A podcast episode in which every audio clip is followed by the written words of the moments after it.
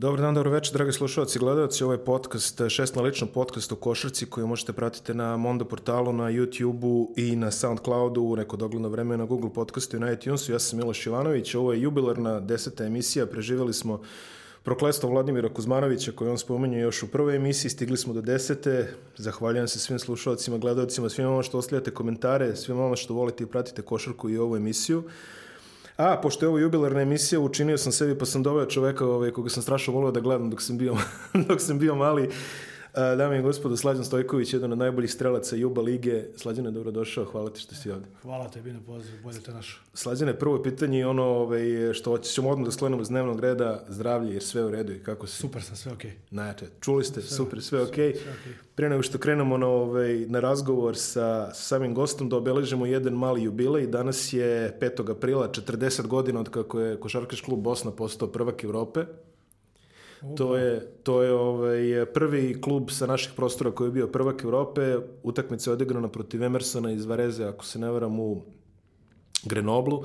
Bosna je pobedila 96-93, a Žarko Varajić postavio je i dalje važeći rekord koji mislim nikad neće biti oboren. 45 poena je postigao u finalu Kupa šampiona bez trojke. Mirza Deliboš će dodao 30, u toj generaciji igrali su još i Raša Radovanović, Svetislav Pešić, trener je bio Boša Tanjević, Pozdrav za Varaju koji ako gleda, znam da sedi gore u onom kafiću na Senjaku, tako da veliki pozdrav za njega. Mirza nažalost nije više među nama i Svetislav Pešić mislim da je rekao da će biti neka proslava danas ovaj, u Sarajevo. Jesi ti uhvatio malo toga kad si bio? Kako ne, pa ja sam to gledao, to sećam se te utakmice, kako ne. Gledao sam tu utakmicu, Varaja i Mirza odigrali jednu fantastičnu utakmicu i Bosna zasluženo postala prvi put prvak Evrope s naših prostora. Čestitam Bosni na jubileju, jer Bosnu posebno volim, mislim Bosnu kao Bosnu i Hercegovinu, pošto sam proveo najlepše godine igranja svoje košarke tamo u Slobodi Diti, ali je to jedno veliko ljuto rivalstvo Sloboda Bosna, ali svakako im čestitam na, na, na, na evropskoj tituli. Varajnih 45 pojena, ja sam gledao taj snimak, on čovjek je pogodio sve šutevima s kapice, to je neverovatno. Znači, pokušaju današnji gledalci da zamisle kako to izgleda, nema trojke, daš 45 pojena. Pa dobro, Vara je bio to ono tipičan strelac, mislim, ono igrač na poziciji 3, sad moderno u ovom našem žargonu da se kaže, ali čovjek koji stvarno nije promašivo, to, to, to vreme se znalo od 12 igrača koji, sede, koji pet igraju, igraju i sedam, koji sede na klupi, 11 ima, svi imaju ruku, znači kogod pustiš svako će ti da koš, možda onaj jedan nema, dok se, tad, dok se sad stvari obrnule, pa nema više, nema više klasičnih i pravih strelaca, nego se sve dalo na fiziku i na poprilično trčanje. Slađane, ti si ovaj, iz Aleks, ili Aleksinačkih rudnika? Aleksinačkih rudnika, to je da, velika, da velika, velika razlika, razlika. Ogromna razlika, to mora da se precizira. Znači, Aleksinački rudnici uvek. I ti si, ovaj, tamo, tamo si počeo, ti si u stvari tvoj prvi ozbiljniji klub, tako kažemo je radnički. Ne, moj prvi klub za koji sam ja igrao i koji je igrao drugu srpsku ligu, one stare Jugoslavije i plasirao se te godine kad sam ja došao u Radnički kao klinac u prvu srpsku kao prvaci te druge srpske lige Jug, ovaj je Partizan sa Aleksinačkih rudnika. Partizan sa Aleksinačkih Partizan sa Aleksinačkih rudnika. Tako Kako je izgledala regionalna košarka u to vreme? U, pa jako dobro, jako ozbiljno organizovana košarka na svim nivoima u doba SFRJ je izgledala jako ozbiljno.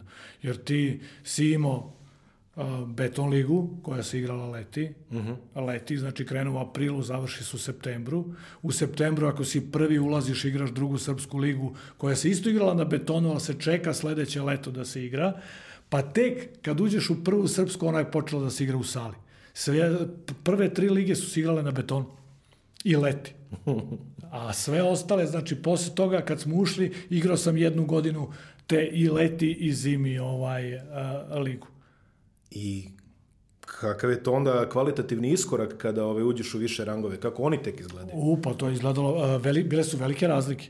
Jer ti, na primjer, kad igraš rang niže i dođeš da igraš nekim rang više, to si minimum izgubio 30-40 razlike. To je bilo toliko očigledno i razlika u kvalitetu i sve ostalo.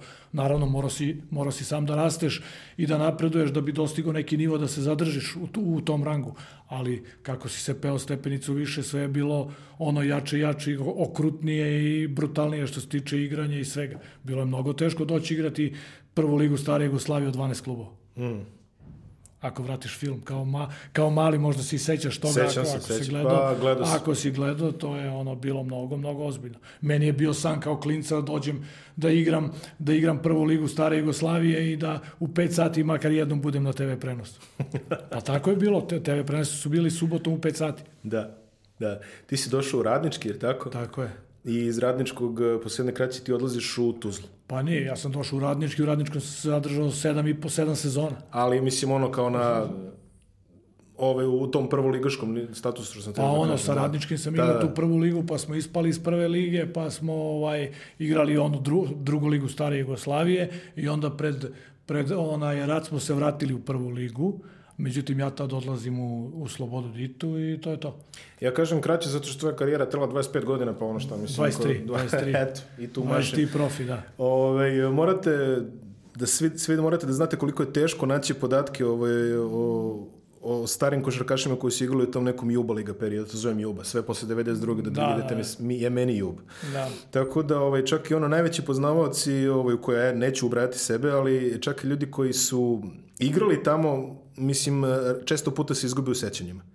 I dosta puta mi više nemamo ni pisane podatke u klubovima kao što su bili Profikolor, kao što je bila Borovica, kao što je bio Beočin. Jeste. Na kraju krajeva vi se svedete na to da morate da zovete ljude koji su igrali u tim klubima da ih pitate šta se tu zapravo dešavalo. Pa dobro, da, da, nažalost je tako, ono, ja se nešto specijalno ne bavim ni internetom, ni ne, nešto ni ne pratim te neke stvari, ali kad pogledaš ono, kad ukucaš te neke stvari, stvarno nema ništa, ni o Borovici, ni o Beočinu, ni o Profikoloru, to su klubovi koji su izgledali jako ozbiljno, koji su iznedrili mnogo ozbiljne igrače. Naprimjer, kad se vratimo u taj Profikolor koji, s- koji sam ja igrao, tu su bili Topić, Topalović, Bulatović, eh, Dejan Radonjić, eh, Preković, Doderović, eh, Bio Miće Berić na pozajmici, čini mi Mića se. Berić je bio kao klinac nešto, da. Da. Ona, moja malenkost, znači to su bili ono igrači Željko sve. Topalović, Željko tako? Topalović, Da. to su bili ono na kraju posle, iz, iz te ekipe imaš tri, repre- dva ili tri reprezentativca. Onda posle toga Borovica. Za osam meseci smo igrali finale play-offa s Partizanom. Klub postoje osam meseci. Sretenović, eh, Lisica, Luković, Vlada Dragutinović, Rade Milutinović, Pokrajac, eh, Ramač, eh, ono, opet moja malenko sa njima, tako da to su bile sve strašni timovi, pune sale, Milina je bilo igrati i ono, družiti se s tim ljudima. Da se vratimo na, znači, posle radničkog taj odlazak u Slobodu iz Tuzle. Tako je. To je, da li je to bilo 91. čini mi se? 91.. E, ovde ne grešim. Znači, bilo je 91. i ti si igrao tu ovaj, čudnu poslednju ligu SFRJ, kada su ostali klubovi iz Bosne i Hercegovine i čini mi se Makedonije. Jeste Bosna, Makedonija, Crna Gora, Srbija. Tako Da. ostali smo bez Hrvata. Ostali su bez Hrvata i bez Slovenaca. Hrvata i Slovenaca, da. Kako je izgledalo igrati u toj ligi? Ovaj, u, u, mislim, kada znaš da se ono, u drugim delovima bivše zemlje su ratno stanje, kakav je to bio osjećaj generalno? Onako malo čudno, pretpostavljam. Pa onako malo, ja sam bio u Tuzli, mislim, ono, meni u Tuzli bilo fenomenalno. Ja i dalje e, tvrdim da mi je ovaj Tuzla najlepša uspomena u, u igračkoj karijeri. I, I pre rata, a i posle rata kad sam završio karijeru.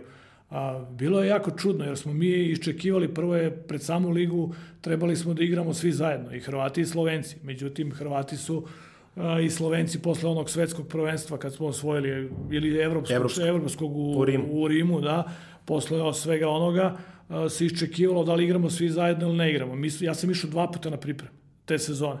Otišli smo na mušku vodu u Kladnju, e, to je nekih 56 km od Tuzle, neko, neko odmaralište onaj, gde smo trenirali i otišli smo jednu na pripreme i vratili smo se, krenuli smo da igramo trening utakmice, prijateljske utakmice, spremići za početak sezone. Međutim, kad su Hrvati i Slovenci hoće da igraju, neće da igraju, nismo znali igraće, neće igrati, igraće, neće igrati. Kad su na kraju rekli da neće da igraju, sve se pomerile, pa smo išli još jednom na pripremu. Znači, to je bilo ono sa legendarnim Borom Đakovićem i sa profesorom Ešketom, koji je mogu slobodno da kažem, jedan tihi ubica što se tiče kondicijonih priprema. Ovaj, To je neka konkurencija za Karaleju ovaj, pa da, da, u to, legendama. to, to, je, to je ta škola. Da, to je da. ta bosanska škola, Karalejna škola. Misli, Karalej je meni bio posle kondicijoni trener, meni to ništa nije bilo ni strano, ni teško, ali sam znao šta da očekujem, jer to je ta, takozvana bosanska škola, škola optereti pa pod nož.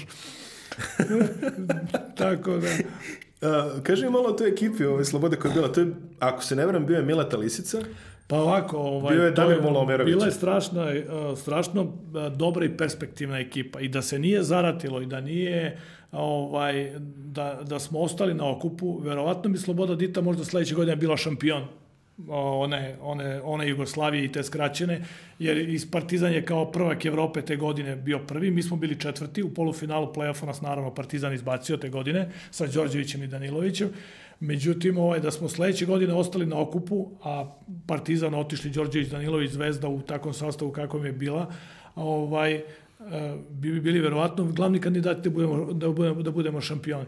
Međutim, ovaj, tu su bili, kad pogledaš igrače, Mileta Lisica, legendarni centar Tuzlanske košarke Braca Mitrović.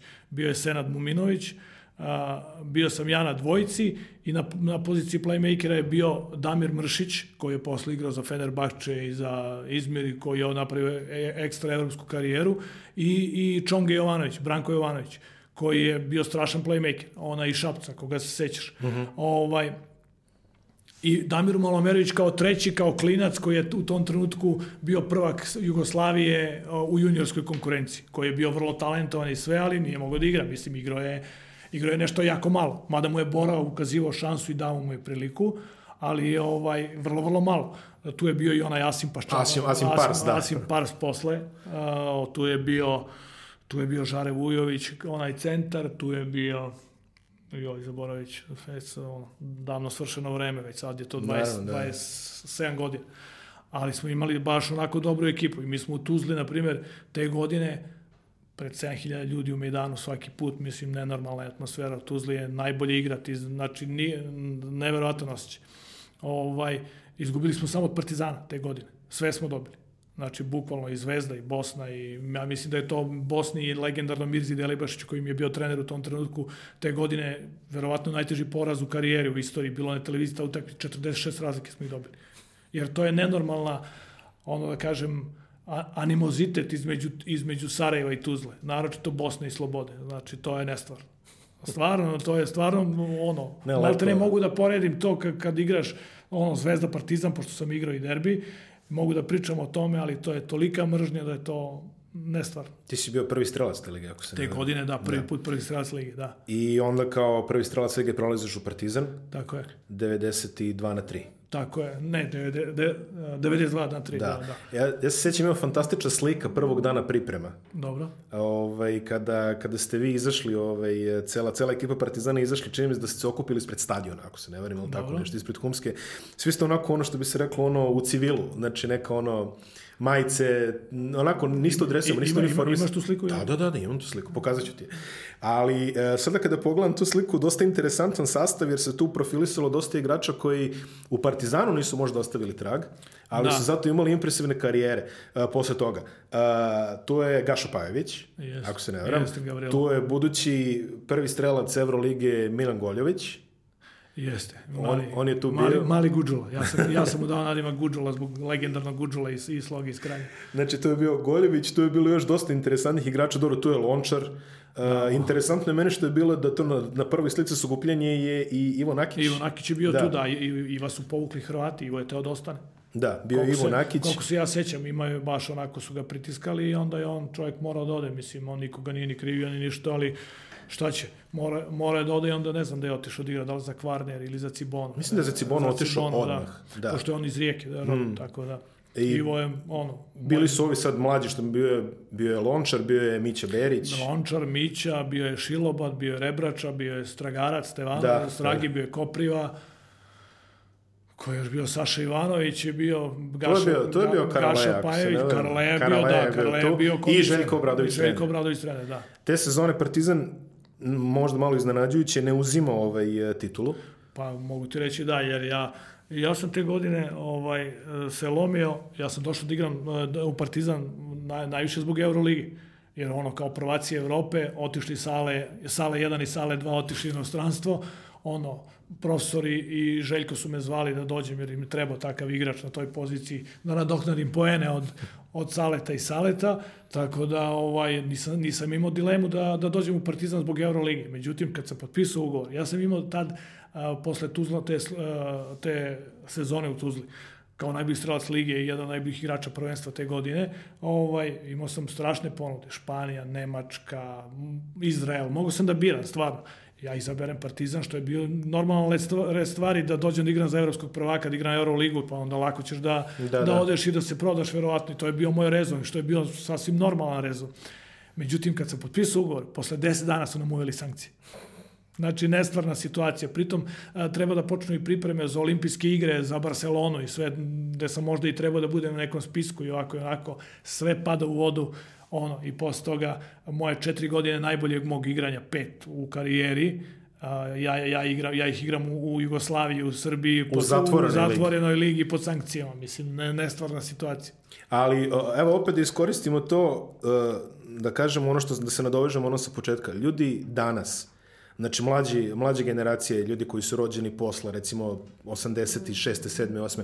Oni ne pamte tu košarku i ne znaju koliko je to bilo nenormalno kvalitetno i koliko je to bila jaka i teška liga kao kontinuacija neke SFRJ lige. Pa, da ti kažem nešto, to je sigurno super nastavak e, SFRJ lige i mnogo jaka liga. Koncentri su se kvalitet, svi igrači su došli tu iz bivše Jugoslavije, sa, iz raznoraznih prostora, svi smo došli i ono, ostala je samo Srbija i Crna Gora. I bilo je mnogo, mnogo kvalitetnih igrača, mnogo, mnogo kvalitetnih ekipa, mnogo teška liga. Pritom nema sve zatvoreno, ne možda odiš u inostranstvo i mi kao, ja kao neko ko je bio tri puta najbolji strelac ligi, ono, mogu sam da odem u inostranstvo, ali nije bilo to, to nisam teo da idem po svaku cenu. Više sam para zarađivao ovde i bolje su ponude bile ovde nego da sam otišao u inostranstvo i zato sam ostao da igram ovde malte ne ono što se kaže do kraja karijere. Aj, to, aj košarka. aj, aj, pritom mogu si samo, mogu samo da igraju dva stranca. U Evropi si mogao, mogao da imaš samo dva stranca u ekipi, sve ostalo morali su budu domaći igrači. Nije kao danas. Danas je laganica igrati. Mislim, to je... Mislim, ono, da se vrati vreme i sada se otvore granice iz onog vremena, pa to bi bio malte ne evropski NBA, kad pogledaš. Čega se sećaš iz te sezone, a da nije Trifunovićeva trojka sa pola terena? Joj, kakva je to utakmica bila, mislim, ono, to je ne znam, ono, da se vratim sad na tu trifinu trojku. Ovaj, Mića, igrali smo nešto... Pričat ću šta je Mića pričao. Igrali smo nešto, igrali smo nešto onako, bilo je love, pa smo ih mi stigli, ja sam dao nekih 10 poena ili 11 poena za redom, izjednačio rezultat i napravim, napravim nešto, peti penal na 20-30 sekundi do kraja iza i Mića i mi imali smo bacanje koje je štirao bacanje, jedan da li Rebrača, ne znam ko je štirao. Miće, Miće, Miće štirao, da. I jedno smo dali, jedno promašili, uvatimo loptu. Da, da, da. I majstor krene na Zorana Jovanovića. Ja, Zoki koji jedva čeka. Mislim, u tom trenutku čovjek ne može da ga prebaciš. Nis, ono, neću, nismo smeli da krenemo u reket na njega. Mislim, znaš, isto ko na rebraču kad kreneš. Mislim, znaš, on treba ga da, preba... da. u tom trenutku treba ga prebaciti. Miće onako mlad zelen, koliko ima tad godina, 19, nije imao, on Miće, Miće 72, pa tako, 19-20 godina, ali opet nije igrao puno te sezone. Otvorilo mu se, Željko ga je puštao, bile su sankcije, pustio je mnogo mlade igrače i Lončara i njega da igraju. Ono, ja sam neke utakmice više sedao na klupi koje nisu bile potrebne da se igraju. Ja sam više igrao na strani nego kod kuće. Kad pogledaš, nove, kad pogledaš novine iz tog perioda, sve što je Partizan dobio utakmice na strani, ja igrač utakmice. Od kući nisam bio ni jednom igrač utakmice, jer nisam igrao, nije bilo potrebe da se kući dobio lagano utakmice. Mm. I onda su igrali mlađi igrači, uh, Lončar, Mića i ovi ostali. Tako da, Miće kaže, ovaj, Miće kaže da, da ga je bilo otprilike sramota da izađe iz kuće dan posle toga, ali kaže, potrefilo se da su bile neke mini pripreme, kaže, u Kragovicu dan posle. da smo otišli I onda kaže, da. onda kaže godine, njemu je dobro došlo da se skloni. Kaže, te godine, sećat ću se, te sezone, da smo odigrali nešto nenormalan broj derbija. Bilo je 3-2 finale za Zvezdu, to je pet utakmice, pa kroz ligu je bilo isto nekih četiri ili šest utakmica, pa pred sezonu smo imali, bila je onaj... Na 3K. 3K, to da, da, je da, da. ono, to, pa bilo, bilo je nešto 12-13 utakmica smo igrali, ovaj, derbija sam odigrao za jednu sezonu. A sledeće sezone je bilo onih legendarnih 7 7, 7 da, da, da, da, to, to se seća. Tako da. Eto, ono, da kažem ono, do, dobro vreme za mene, ne, ne, ne, ne, ne žalim ni za čim, kažem ono, nisam imao tu sreću, nisam bio, loše sam biro, što se kaže, imao sam, imao sam izbor, ali sam loše biro.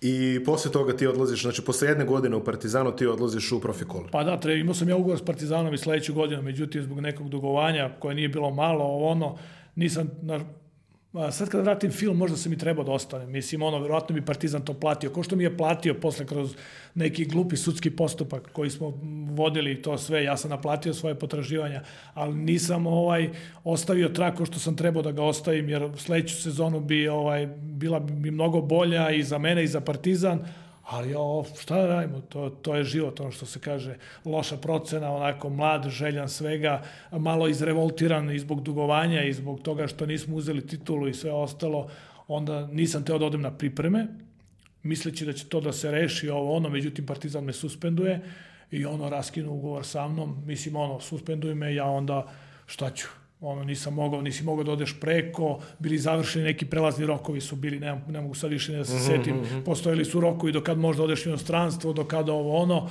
ja nisam otišao u inostranstvo, Partizan nije to da me pusti i onda šta kako, pojavio se Žile Uzelac koji je me ono obožavao kao igrača, molio me da dođem u Pančevo i profi kolor i tako ja potpišem za profi kolor. Eto. On, on rešio da li je bilo neko obeštećenje, da li je nešto plaćao, ne mogu da se setim, možda i platio nešto, Partizan me pusti, tako ja dođem u Profikol. Eto, i ona legendarna, ozbiljna ekipa koju sam ti malo prenabrao sa ozbiljnim igračima, koji su koji su igrali onako posle toga jako dobru košarku. Tu su bili svi poprilično mlađi od, neću kažem mlađi, ali u tom trenutku su svi mlađi od mene, A, posle mene tu je najstariji bio Milenko Topić koji je 69. 9, godište. Da. Svi su ostali ono Dejan Radonjić 70. ili 71. A, Buli 71. drugo, Željko Topalović 72. Preka 74.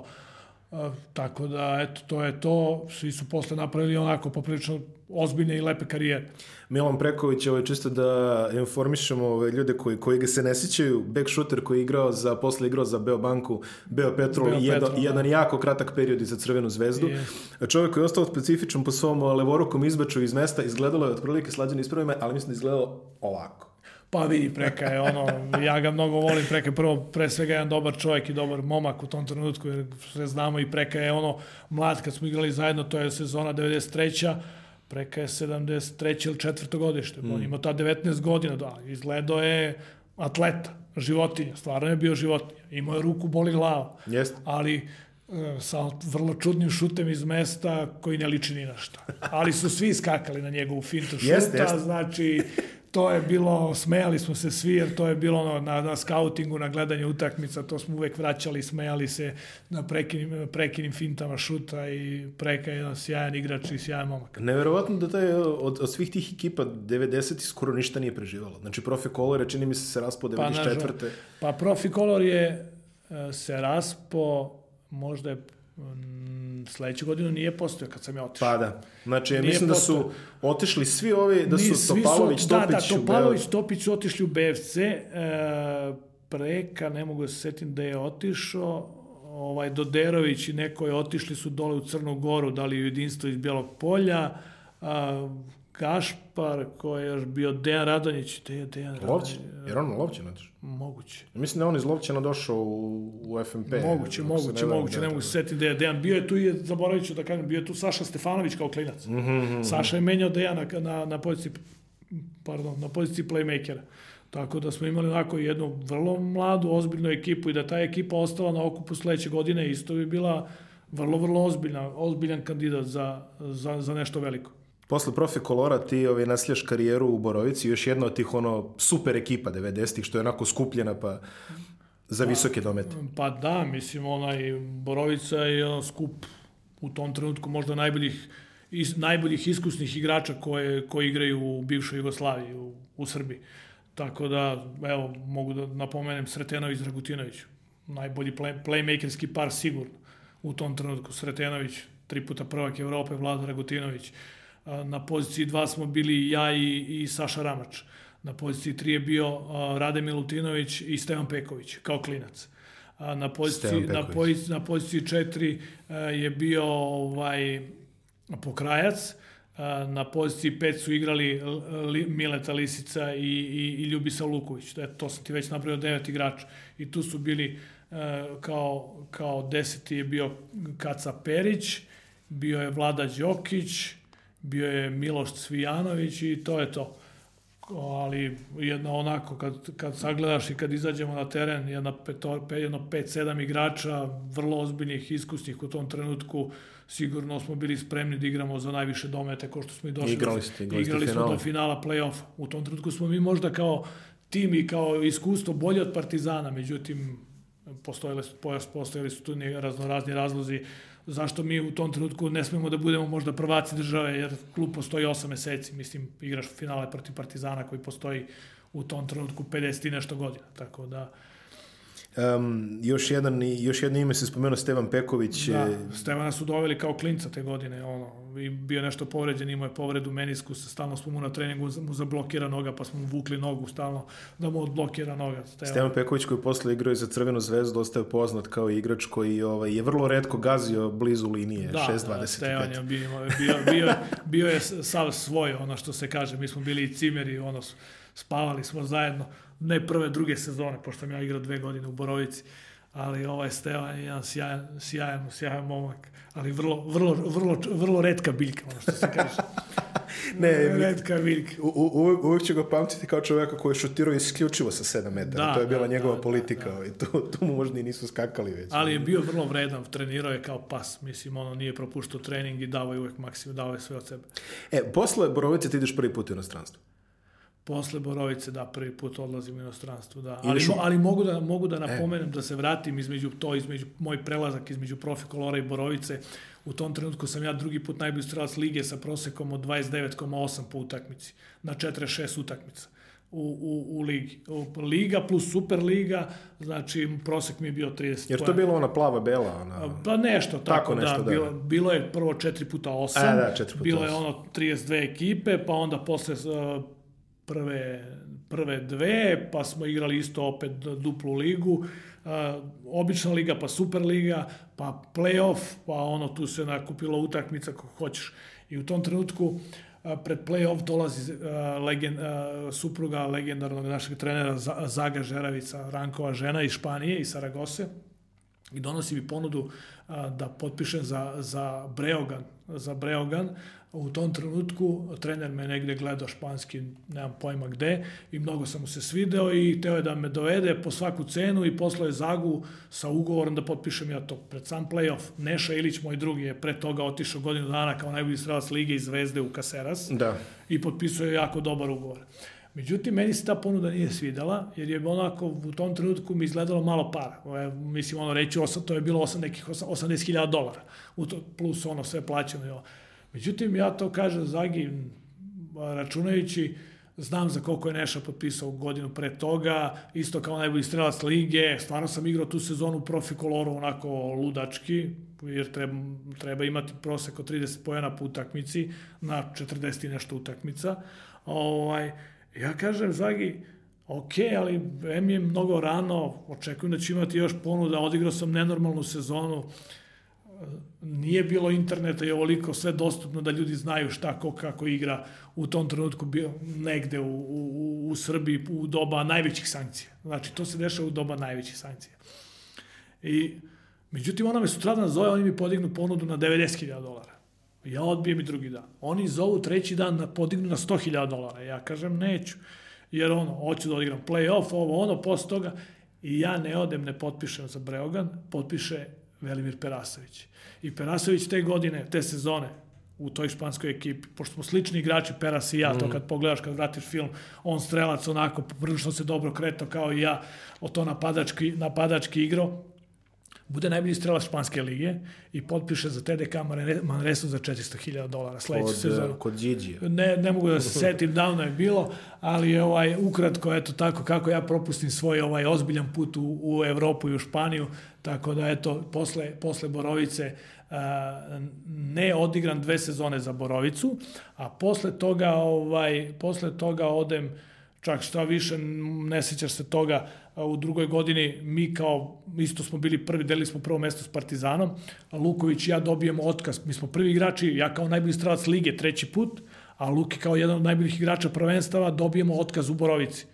Jer je Janko Lukovski je bio trener, koga sam ja doveo te godine, to svi znaju, ovaj, ubedi našeg vlasnika Borovicu Dušana da ga mi mnogo koštamo i da može i bez nas da igra Super ligu i da napravi neki rezultat. Međutim, sve to pada u vodu. Mi dobijamo otkaz jer odla, odlazimo iz Borovice, što je bila, bio presedan nikad u životu. Pritom u tom trenutku ja najbolji igrač prvenstva, najbolji stranac lige treći put.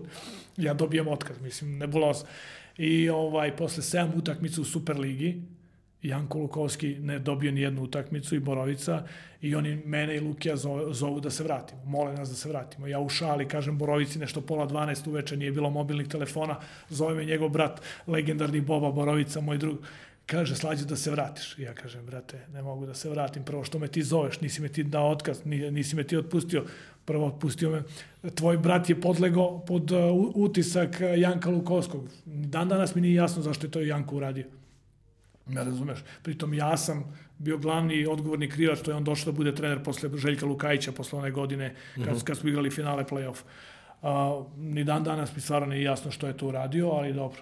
Ovaj, i, i ja kažem, Bobi, Bobo, što me ti zoveš, neka me zove Dušan Borovica, zvali smo ga, ima nadimak Džane. Nek me zove Džane, rekao. I pola 12, ja kaže on dobro, i zove mene Borovica i kao, E, Pixi malo ima onako, go, go, da kažem, ono, mešao jezikom, imao je govornu imanu. Pixi, da se vratiš. Ja kažem, gde da se vratim? Kaže, pa da se vratiš. Ja kažem, nemam patike. Ja počeo da se zezam, rekao, nemam patike, rekao, aj dugo nešto mnogo para, rekao, nema šanse. I tako ovaj, ubedi on nas da se vratimo, rekao vraćamo se, ali naravno Janko ne može da bude trener, mislim, kaže on ne, ne, ne, ne, i onda smenjali su Janka, mi se vratimo. I ono, gleda onaj od ozgo, znaš, vraća, vraća pravdu.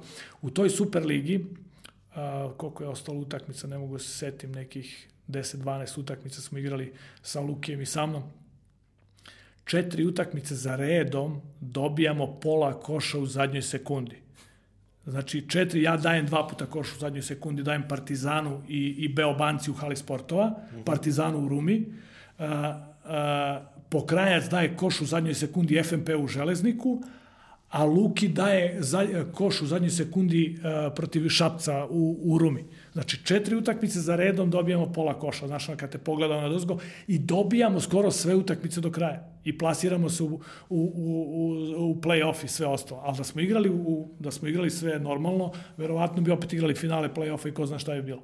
Tako da je, to je neka epizoda ona Borovice i posle Borovice posle Borovice se vraćam u Radnički na... na... Imaš tu Poljsku? Ne, ne, ne, ne, nemam Poljsku. Poljska je posle Poljska je posle toga. Poljska je posle toga. Vraćam se, vraćam se u Radnički na nagovor mog bivšeg saigrača, čoveka koji ima veliki uticaj na mene i na moju karijeru. Srećko Jarić je bio direktor kluba i na njegov nagovor, pošto je Radnički odavno nije imao tako mladu i perspektivnu ekipu sa Naćfem, Borisom Rajičevićem, Rajevcem, ko je još bio tu da sad ne, na poziciji playmakera je bio Srđan Đurić i kao klinac i Dejan Parežanin, koji je ja tu sa 30 godina kao najstariji, sve su bili klinci od 18 do 21, dve bio godine. Avlijaš? A ne, Avlijaš je došao, to je, to je, to je, to je, kasnije, to je kasnije, to je, kasnije, to je, to je onaj drugi period kad je mhm. Rajko Toraman bio trener. Da, da, da. Tako da ja dolazim u Radnički na nagovor Srećka Jarića i, i na nagovor mog velikog prijatelja i najboljeg prijatelja iz košarke Žarka Vučurovića, koji je u tom trenutku ovaj, uh, ne, nije, već to je u drugom mandatu je bio pomoćni trener, tad je još igrao za, za, za OKK Beograd, ali je bio, ali je bio trener uh, u mlađim selekcijama, trenirao je Naćveja i, i ovu decu, sve ih je on izbacio za prvi tim. Već u tom trenutku se vidi da je Žare ozbiljan trener za sve mlade igrače i zna se i sve šta je uradio i koliko je da, igrača da, da, da, da. stvorio o, o, iz, iz najmlađih dana. Tako da, eto, tako se ja vraćam u radnički po drugi put, u moj isto jedan od omiljenih klubova, jer imam tri kluba koja su mi omiljena, to je Radnički kao ono, Sloboda, Dita i Partizan. To su mi klubovi onako, koje ono, i, ipak igrao sam, kad izbrojim klubova je 15 ili 16 klubova, mislim da je 16 u, u karijeri. I šta se dešava posle radniče? Koliko si ostao u radničkom samo, u tom drugom? Sa, samo tu sezonu. Da. Samo tu sezonu. Trebao sam da ostanem još, oni su me terali da ostanem još, međutim pojavila se strašna ponuda iz, iz Poljske, Anvil kao najbolji poljski klub. Miško Ražnjatović mi je bio menadžer u tom trenutku. Ovaj, uh, me, mi je rekao da ima strašnu ponudu za mene, za Anvil i da ono, i ja stvarno je bila odlična ponuda i ono, trebao sam da ostanem u radničkom, terali su, ono, insistirali su i Mrka i jer je CIP bio sponsor. insistirali su da ostanem, ali ja sam opet teo da, da probam da vidim i to inostranstvo, ipak ono, ušao sam u 30. i 31. i otišao on, to je to. Kako je bilo u Poljskoj tije godine? Tad je poljska košarka tek počela, čini mi se da se pa otvara... Ja sam, ja sam bio prvi, prvi naš igrač, prvi Srbin koji je igrao u, u Poljskoj, prvi stranac. Koje to godine? To je 97. 96. 97. Oni su igrali protiv nas 97. Evropsko prvenstvo. Sećam se tih nekih igrača, bio su oni Vojčik, Tomčik. Da, da, Vojčik, Tomčik i oni, da. Druja je bio onaj da, centar. Da, da, jest, jest, da, jest.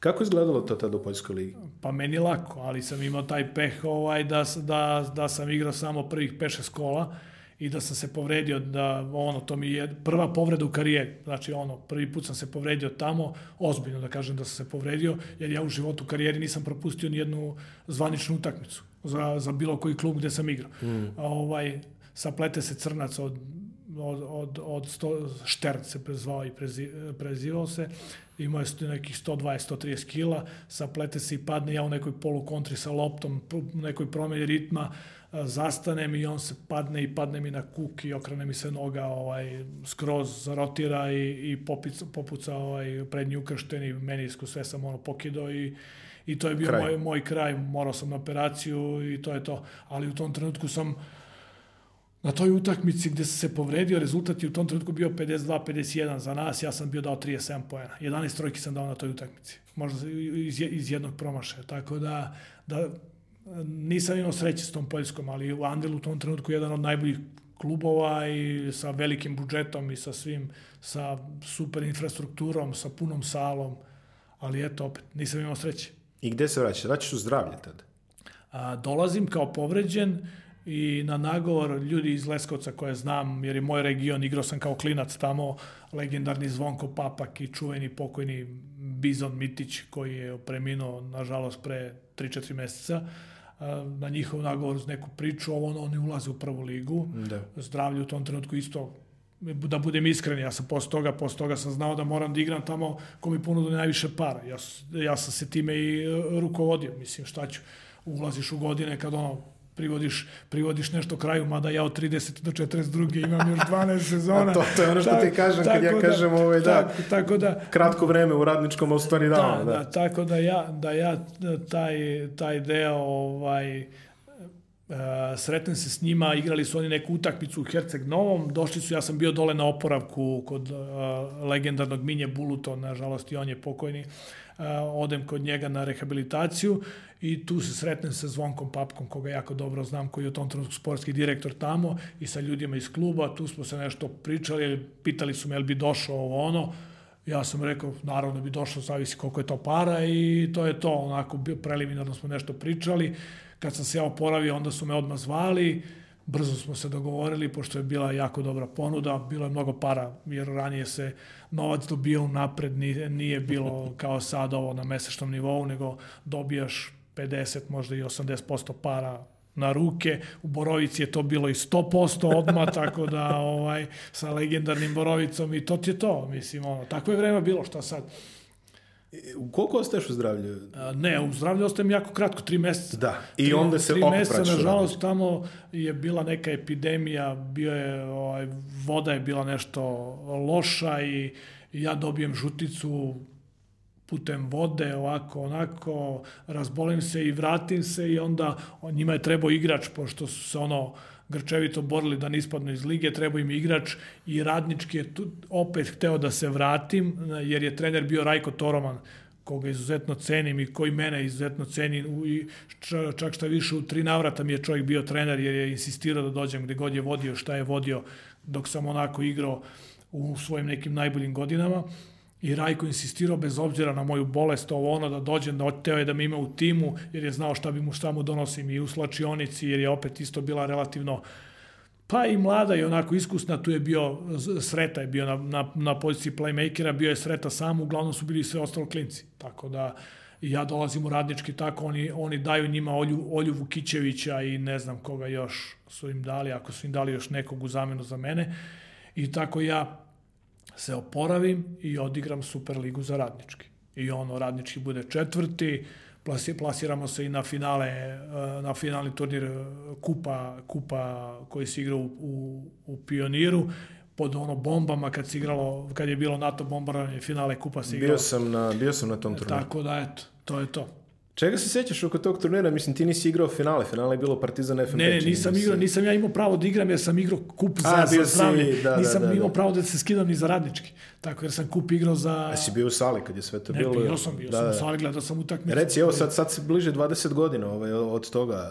Sećaš se kakva je ta atmosfera nerealna bila?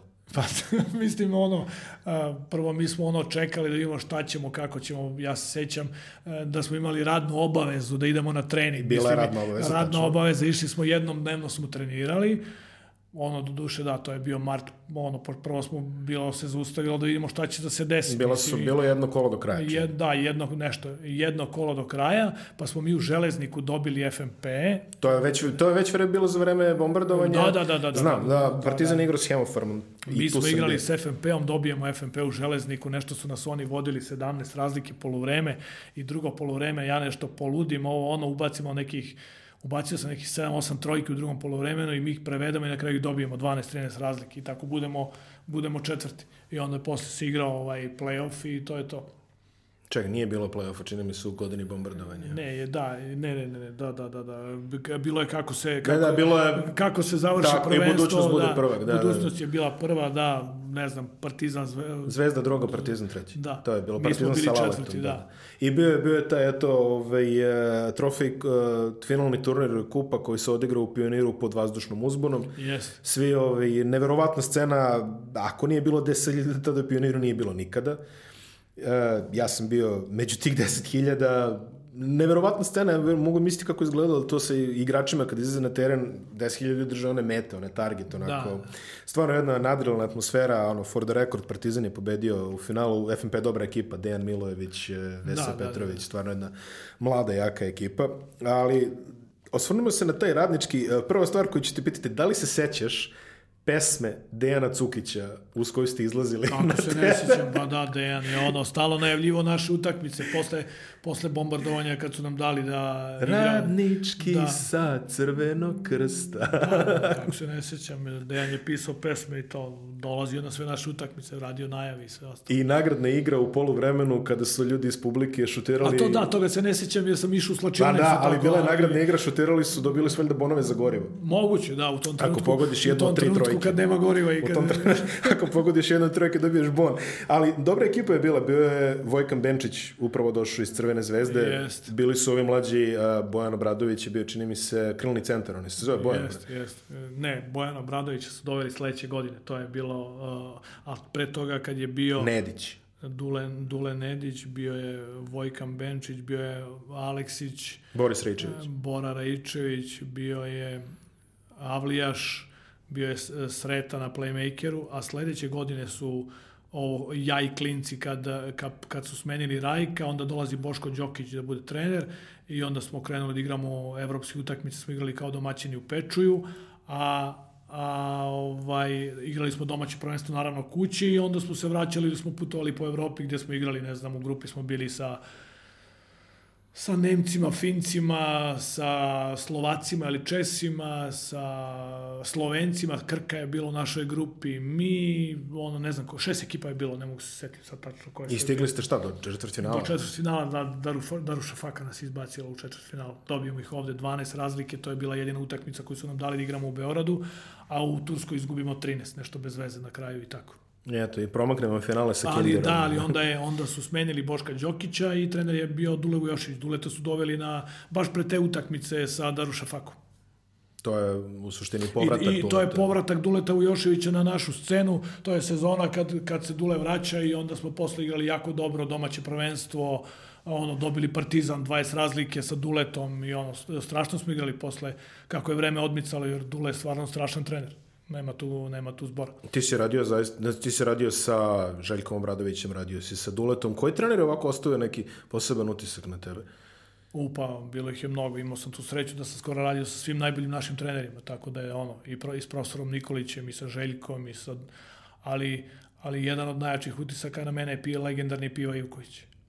Legendarni Piva Ivković, znači U piva mi u radničkom, da, ono, godina je neka 87. 8. 9. znači piva je ono, ispred svog vremena mnogo, daleko, nažalost, ovaj, ra- prerano je otišao, tako da ovaj, nije, nije, dao, nije dao svoj maksimum. Ali, Radnički, ako se ne varam, šampion stare Jugoslavije 70. Sa njim 73. Da, se zvao radnički FOB, ako čini, pa, da. Ili FOB ili LMK, ali pre FOB, jer da, to je da. sezona 72. 73. kad su bili prvaci.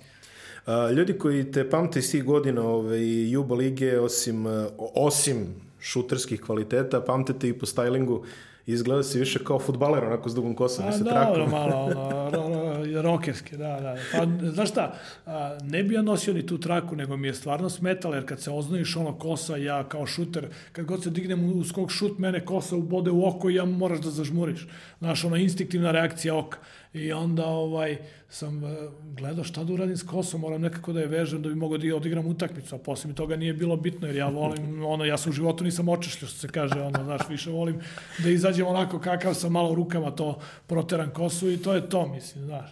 A, I onda sam, i onda ovaj, s, s, s, sam smislio neku traku i, i, ta traka je ovaj, bila onako zaštitni znak koji sam nosio maltene do kraja karijere. A, posle radničkog opet odlaziš u inostranstvo, ako se ne Opet odlazim u Poljsku, da. Kod Toze Matića koji je vodio Poloniju u tom trenutku. Jesi tu bio all-star igrač?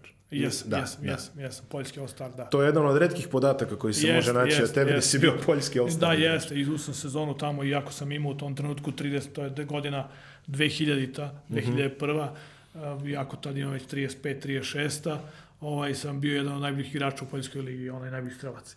I onda imaš Izrael neki... Ima, imam nešto kratko, Hapoel Hulon a, odlazi, međutim nije to bilo nešto, osim, osim dobrih para, nije to bilo ništa spektakularno, jer u Izraelu su igrali jako čudna košarka, a, ovaj, maltene bez treninga. A onaj, Amerikanci ne treniraju, tim je ono već sad počinio, imaš pravo dva bosmana, ne znam, četiri mm -hmm. Amerikanca, u Izraelu su svi naturalizovani, svi su Amerikanci, imaš jedno sedam, osam crnaca u ekipi gde svako na svoju stranu, maltene dođem na trening, sve ih pocepam, sve ono, ne, niko ne može samo da, da šutne ni jedno, ni jedno, ono, ni jedno takmičenje, ne mogu da izgubim sve. Međutim, dođe utakmica da se igra, ne može da pipneš futbol. O, znaš, ono, klasik. I onda sam se tu nešto kratko zadržao i, i vraćam se i dolazim Velimir Gašić me je tražio, bio je ta trener borca Banja Lučkog da, da dođem da igram te, te godine prvi put ovaj, jedinstvenu ligu Bosne i Hercegovine za borac iz Banja Luki. Kako je to izgledalo? To je izgledalo odlično.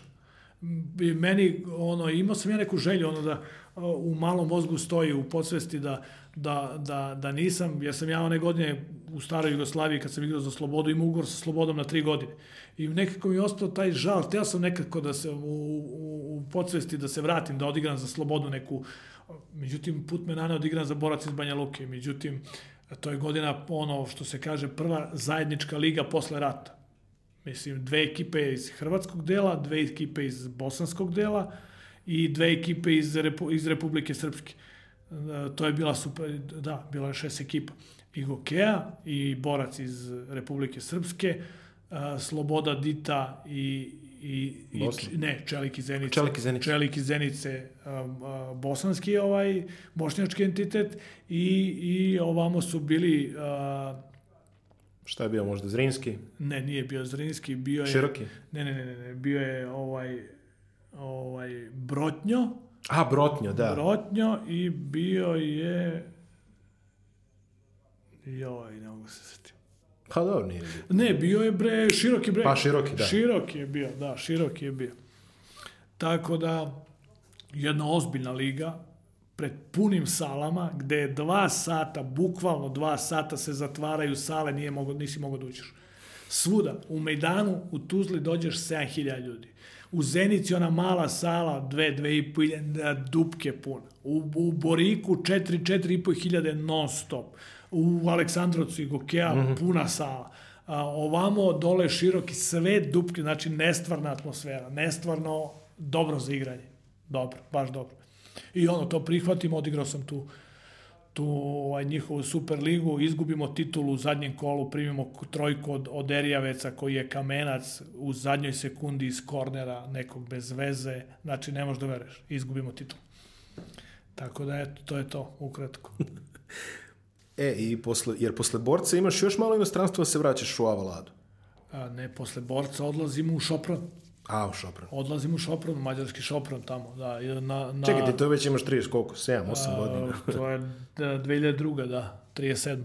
Znači, 37 godina i još uvijek imaš uh, i snage. Da, bez problema igram, ono, stvarno, ono, trenirao sam kao pas, uvijek sam bio spreman, vodio sam računa o tome, uvijek sam stvarno bio maksimalno spreman, i svog najboljeg ono izdanja do neke 30. na treningu nisam dozvoljavao nikome ni, ni pobedio ni jednom trčanju ni ono ni u sprintovima ni u dužini i to niko nije mogao trči samo.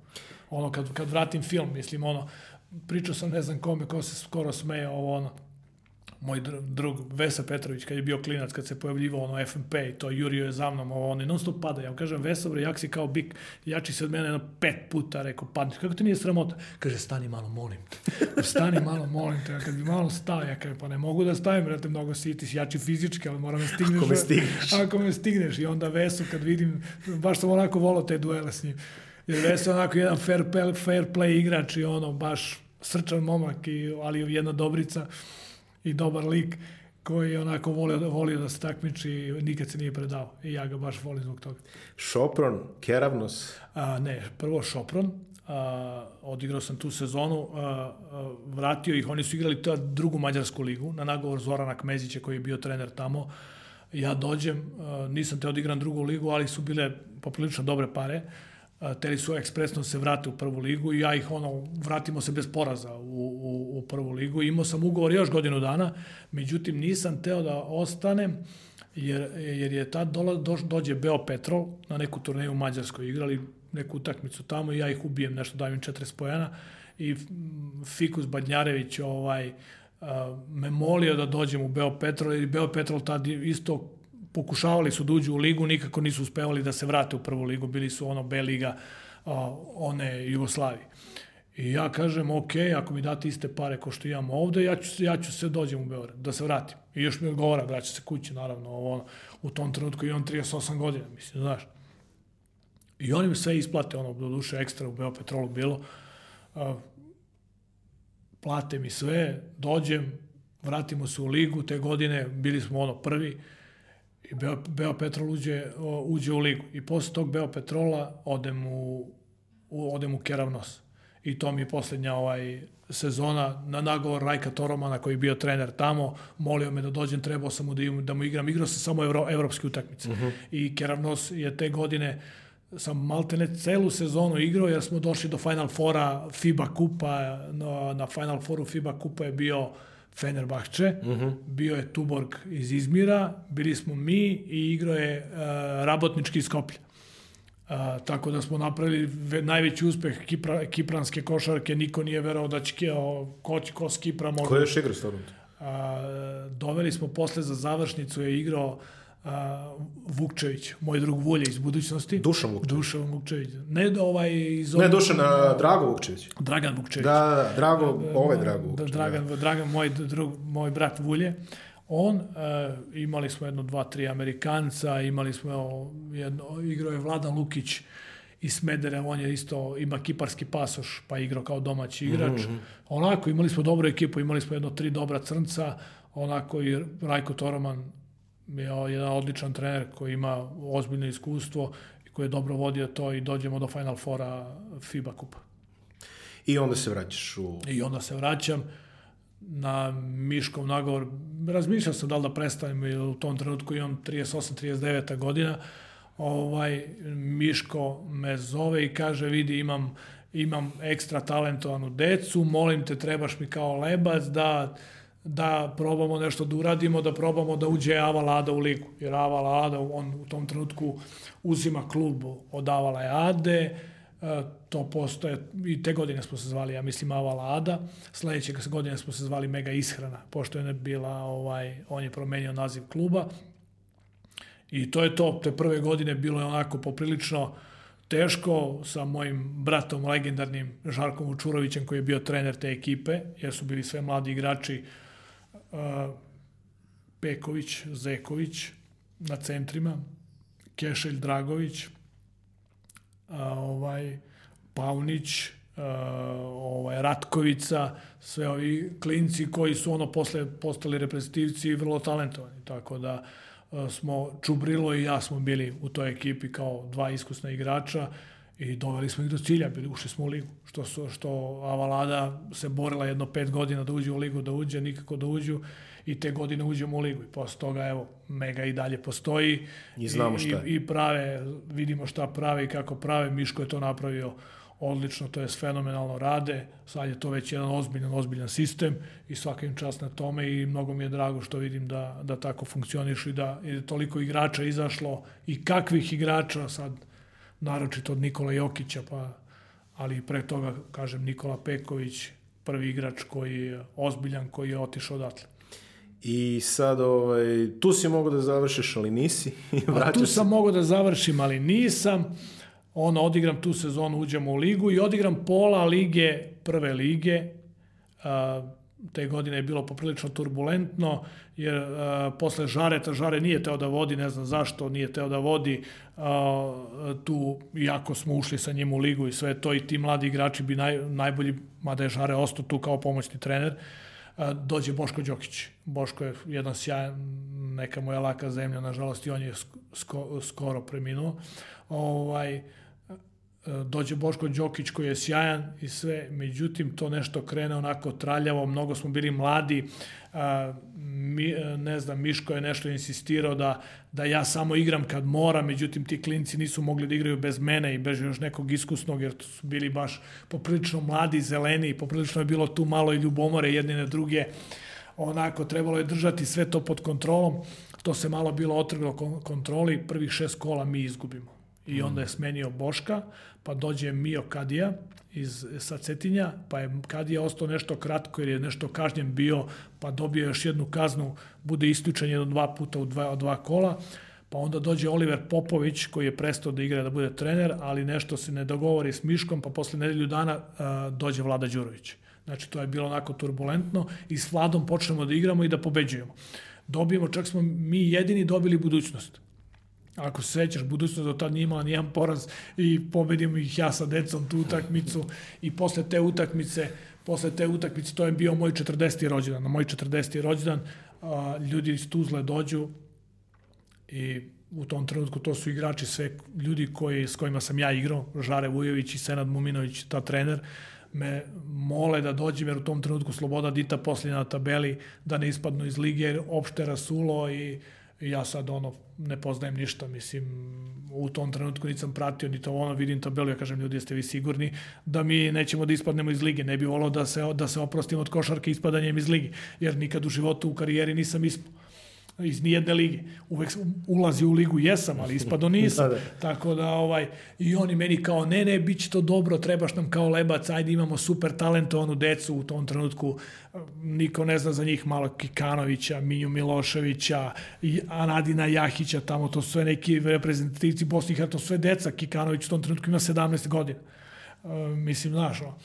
ja kažem, ajde, dobro, ajde, hoću, rekao, ono, I sad s Miškom se dogovori, Miško kaže, ajde, pustit ću te ovo ono i Vlada Đurović kao nekadašnji trener Slobode Dite, kaže, vidi, ne bi te pustio u ovom trenutku, trebaš mi kao lebac, ali, kaže, pošto je Sloboda u pitanju, kaže, pustit ću te. I tako ja odem u Slobodu Ditu. Eto. I ostanete u ligi. I u Slobodi Diti ne da samo da ostanemo u ligi, nego u tom trenutku sa tom decom krećemo mi da igramo. A, samo smo prvu utakmicu izgubili, ostalo je 12 ili 11 kola do kraja, do, ne, do play-offa, do Super lige, u stvari do Super lige pa play-off. A, samo smo prvo kolo izgubili u, u Posušju, pola koša u produžetku, zato što je Minja Milošević klinac u tom trenutku ne izađe na neki šut za tri poena, pusti nekog igrača koji je dobro, jako dobro šutirao, na, na nekih četiri razlike za nas, oni se nešto vrate i dobio nas u nekom produžetku pola koša. Samo smo to izgubili, sve smo dobili do kraja. I na kraju završimo kao drugi na tabeli. Igrali smo, igrali, tih 11 utakmica za redom, do, 10 ili 11 utakmica za redom dobijemo. Igrali smo u maloj sali. Ja pitam ljude, pošto sam znao ono, Tuzla, kad ga smo igrali pun, pun mejdan, mislim 5-7 hiljada ljudi, nestvarna atmosfera. Ja kažem, ljudi, ima, ima li publike? Ima. Kaže, slabo 150-200 ljudi u maloj sali se igralo. Pošto u Mejdanu ima mala sala mm -hmm. koja je za nekih hiljadu i po dve hiljade ljudi i velika za 7000. I sad ono, dobro, rekao, ajde krenemo mi da igramo kako su ono prva utakmica dođe, pošto su čuli da, da sam došao ovo ono, dođe jedno 500 ljudi zbog mene da me vide ovo ono što ljudi pre ono rata da, s kojima što, sam, što sam se družio, što pamte ovako onako i krenemo mi da igramo i dobijamo, dobijamo, dobijamo i onda krene, posle jedno 3-4 utakmice igrali smo u Mostaru protiv Zrinskog, Bojan Bogdanović, sada NBA star, ovo ono, me čuva i na toj utakmici mu dam 44. Dam im trojku u zadnjoj sekundi s centra za pobedu i ta utakmica nas prelomi da bi da odemo u, u Superligu i u play-off i sve i dobijemo, kažem ti, 10 utakmica za redom i posle toga na kraju, pred početak Super lige, u Mejdanu 5000 ljudi. Iz, ve, iz male sale pređemo u veliku, jer naravno nije moglo da se igra, jer Tuzlaci mnogo vole kad, kad Sloboda pobeđuje. I to je ono, mogu da kažem opet, ono, moja reinkarnacija, povratak na mesto onaj zločina, što se kaže, jer odigram, odigram u 40. i 41 tu polusezonu onako nestvarno i onda predsednik kluba, navijači, Žare kao direktor kluba, svi, Senat kao trener, svi ono, jer bi igrao još godinu dana. I ja kažem, ono, tu Kikanović, Minja Milošević, svi ovi koji su posle napravili stvarno ozbiljne karijere i ono što se kaže, Kika naučio da igra košarku pored mene, sine dođe u pick and roll, ajde ovako, ajde onako, stvarno dete mnogo pametno onako i evo ga igra ozbiljnu košarku. Tako da, ovaj, ostanem ja još godinu dana i odigramo još jednu fenomenalnu sezonu, možda jeste mi bilo oprošteno, ali sam je odigrao ono što se kaže ludački, stvarno jedno nenormalno i proglase me za najboljeg igrača prvenstva. Sa 42. Sa 42 godine me u izboru od 14 trenera iz svih ekipa, pošto su treneri glasali, 10 glasalo za mene da sam najbolji igrač ligi. U tom trenutku i Gokea, Široki, Bosna, svi ono, Jadranska liga, igra onaj Domerkan, Bremer, svi ovo, dođe Bosna u, u, u Tuzlu, mi im uzmemo titulu tu Široki, trener je bio Joke Vranković, moj drugi iz Poljske, I onda ja mu kažem, pre utakmice, on kaže, dobit ću ti ja Bosnu sam, rekao, i ovdje ih ne vole, on kaže, nemoj pričaš. A kaže, to je direktno za titulu, ako ih mi dobijemo široki prvak. Mm. A, dobijemo ih, ono, Domerkant, ne znam, ovi oni, znači, pola koša, nešto, ja im dam penale na kraju za pobedu, ovaj, 37 pojena im dam. Znači, ono, crnci, oni viču, Mensur Bajramović bio trener Bosne, kao coach, ja ću da ga čuvam. Ja pa de, kad krenem ono u svoje ludilo, ne može da čuva niko, ono, cela sala sišla, svi navijaju, lom u Tuzli, znači ono, to je malte ne, posle utakmice su me odneli do kafića, do grada navijači, ono, pa ljudi pustite me da, da izađem, znači nestvarno, ono, malte ne, nosete na ramenima navijači, to u Tuzli, on, mogu da kažem da da ne mogu da prođem ulicom, a da, da, ono, da prođem 20 metara, da me neko ne zaustavi, da me pita kako sam i ono, i mnogo volim taj grad, mnogo volim te ljude. I veliki košarkaški veliki grad. košarkaški grad, ljudi koji mnogo poznaju sport i koji vole sport, slobodu, naročito. I jedinstvo. Znači, I, dobro, jedinstvo da, ali sloboda je sloboda. Sloboda je specijalan onaj, što se tiče i, i navijačkih grupa i poprilično su dobro organizovani i sve to jako dobro funkcioniše, a i, i obični ljudi mnogo, mnogo vole slobodu. I tako dolaziš do kraja karijere, ostao si u košarci ipak. Pa eto, mislim, ostao sam jer oni su me, ja sam ostao, bio sam tri godine direktor tamo. Tako je. Jer oni su me molili, predsjednik kluba, žare, ovo ono, trebala im je pomoć, hteli su infrastruktura, da se diže klub, ovo ono, jer sam ja pokazivao te sklonosti organizacione i dobro prepoznavanje igrača, talenta, šta nam treba u ekipi, šta ovako, onako. I onda sam, eto, odmah dobio onaj posao da radim koji sam želeo da radim po, po završetku karijere. E, to je to. Tako sam ostao u košarci. Sada si... Evo već koliko je to sad. 2007. sam presto, sad je 12. 13. sezona sam sportski direktor bez pauze. Trenutno si angažovan u mladosti? U, u mladosti, evo, pet, završio petu, petu takmičarsku sezonu. I vi ste igrali sada KLS, vidim da ovaj, Pa nažalost nismo se plasirali onaj u Super ligu, imali smo najmlađi tim u ligi. To sam teo da ovaj, kažem, vidim imali, da dosta... Ima, imali smo super saradnju sa Partizanom, Partizan nam je ovaj dao sve ove mlade igrače koji su trebali da se razigraju. Napravili smo, ja mislim, jako dobar posao sa malim sa malim Trifunovićem i sa malim Tanaskovićem i svi ostali igrači oko njih su igrali poprilično dobro. A, pik je bio na njima dvojici, mislim da imaju jako dobre sezone iza sebe sa 17-18 godina, prve prvoligaške sezone, što je ozbiljna stvar. A, mislim da smo napravili dobru stvar, čekamo da se završi ova play-off serija pa da obnovimo razgovore s Partizanom da vidimo šta, šta ćemo za narednu sezonu što se tiče toga ti si uh, bio jedan od ono što bi se reklo poslednjih revolveraša koji su ostali u, u toj iste Juba lige. Kad se ljudi sećaju, znači sećaju se tebe kao strelca, sećaju se Neša Ilića, da. na primjer, isto kao izrazitog strelca, Neša Ilić koji je dao koliko? 60 i kusur poena na onoj jednoj utakmici Vojvodini, Vojvodini. Da. Ti koji si dao 50 i nešto nekome. Dao sam u prvoj liga 59.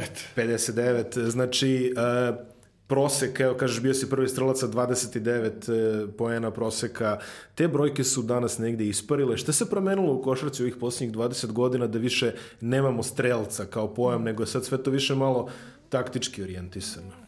Pa vidi, sad se to e, mnogo toga promenilo. Ne kažem da se mi ne, ne bi adaptirali da sad uđemo u ovo vreme. Verovatno bi. I fizički svakako se drugačija košarka igrala nekada, drugačije se sad igra podelila se minutaža. Treneri sad insistiraju da imaju po dva, tri igrača na jednom mestu, pošto ima mnogo utakmica, mnogo je takmičenja, mnogo, je, mnogo se igrači prazne, znači mnogo je taj emotivan, emotivni naboj posle utakmice. Ja sam posle svake utakmice bio prazan kao izduvani balon jer sam davao sve od sebe.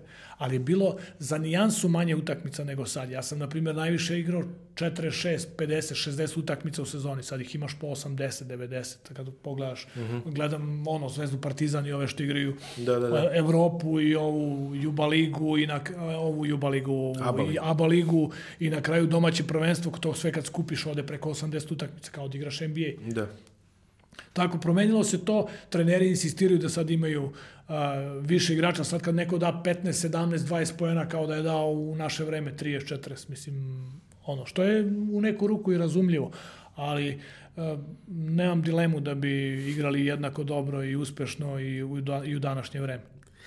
Uh, jel pratiš sada košarku ovo na ABA nivou i sve pa, to? Pa pratim, naravno. I kako ti izgleda ovo polufinale, evo, čet, četiri utakmice u mesec dana na jednu loptu? Pa vidim, vrlo interesantno. Uh, jako, sam, uh, jako sam zadovoljan i drago mi je što se Partizan približio Zvezdi.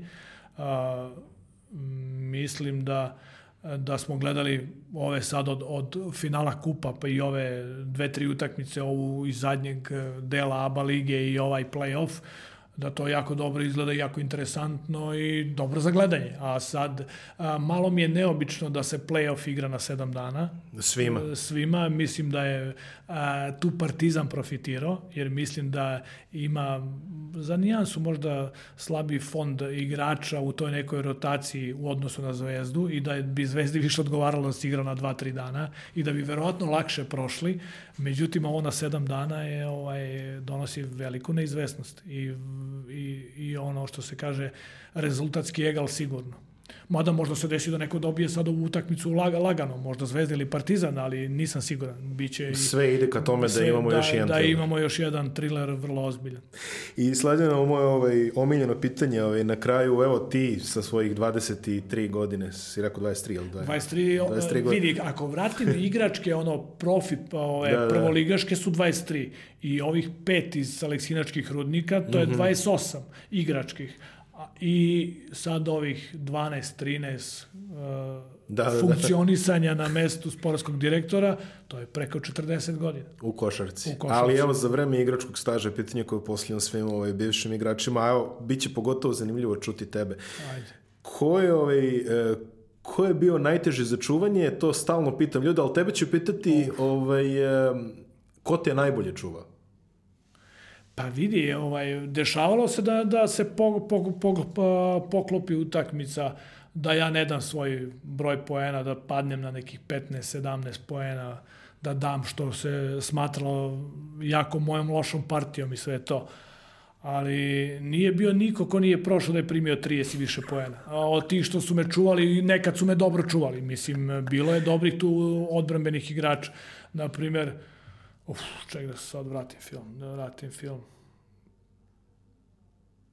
Pa u neko vreme, ajde da kažemo ono, iz Zvezde za mnom je Jurio trčao stalno Ljubav Vidačić i, i Goran Karadžić, Trifa, moj drug, i Saša Obradović. To su ono, razno su se menjali, pošto je sa Zvezdom bilo uvek eh, raznoraznih okršaja. A onda bilo je tu, ono da kažem, Vesa Petrović, ali Vesa mi je bio nekako lagan, Vesi sam uvek davao lagano 30 pojena. Mislim, ne znam zašto, ali tako, bilo je igrača koji su bili strašni odbromeni igrači, a su meni odgovarali i nisu mogli da me brane. Tako da još naročito kad uđem u svoje ludilo onog šutersko, kad ubacim prve dve, tri, pet, kad vežem, se otvori. to je, kad se otvori, onda ne može da siđe cela, cela sala, nije mogla da me drži, ali kažem, uh, ali bilo je, bilo je igrača teški za čuvanje, ono, mislim, bilo je strašnih strelaca. Na primjer, Miki Mitrović, ako ga se -hmm, sećaš, igra za, stra, mislim, da igra za Sarajevsku Bosnu, ne, ne igrao za Beočin, igrao za Proletari Zrenjanin. Ne, Proletari Zrenjanin, izvinjam Pa je posle igrao za OKK Beograd. Sa Lukom Pavićevićem. Sa Lukom Pavićevićem, da, da. da, strašan šuter, strašan strelac. Onda bilo je tu i, ja, i Neša Ilić. Nešu je bilo mnogo teško čuvati. Neša je bio takav vic igrač da je to strašno izađe, su... na, na, prevarite kad, kad, kad god hoćeš. Mada nismo se čuvali direktno, jer uvek njihov najbolji odbranbeni je čuvao mene, a njihov, naš najbolji odbranbeni je čuvao njega, tako da ovaj, njega Jurio ili Vlada Dragutinović ili, ili ono, goreli su klince u vatru Mića Berić ili ono, Lončar. Mada čuvao sam ga i ja, ali uglavnom ga je čuvao Vlada Dragutinović, tako da, ili neko od ovih većih, pa sa pozicije 3, ne znam, Saša Ivanović ili koga su tu još puštali, da gurali da igra Goljević kao klinac i tako. Slađane, hvala ti puno na odvojeno vremena i hvala ti na gostovanju. Sve najbolje. Hvala tebi. Nisam znao da, da, ima, da ima neka ovakva emisija, da neko prati ovako i da ono, baš ću da pogledam neke tvoje, jako slabo pratim i internet i, i, i to, ali, ali ću sada da pogledam, baš mi ono, da vidim šta je rekao Duško Savanović sad kao poslednji gost pre Pozdrav mene. Savanu. Pozdrav Duletu, tako da eto, to je to. Hvala ti na pozdrav. Hvala tebi puno, pa i vidimo se još neki put. Vidimo se, prijatno.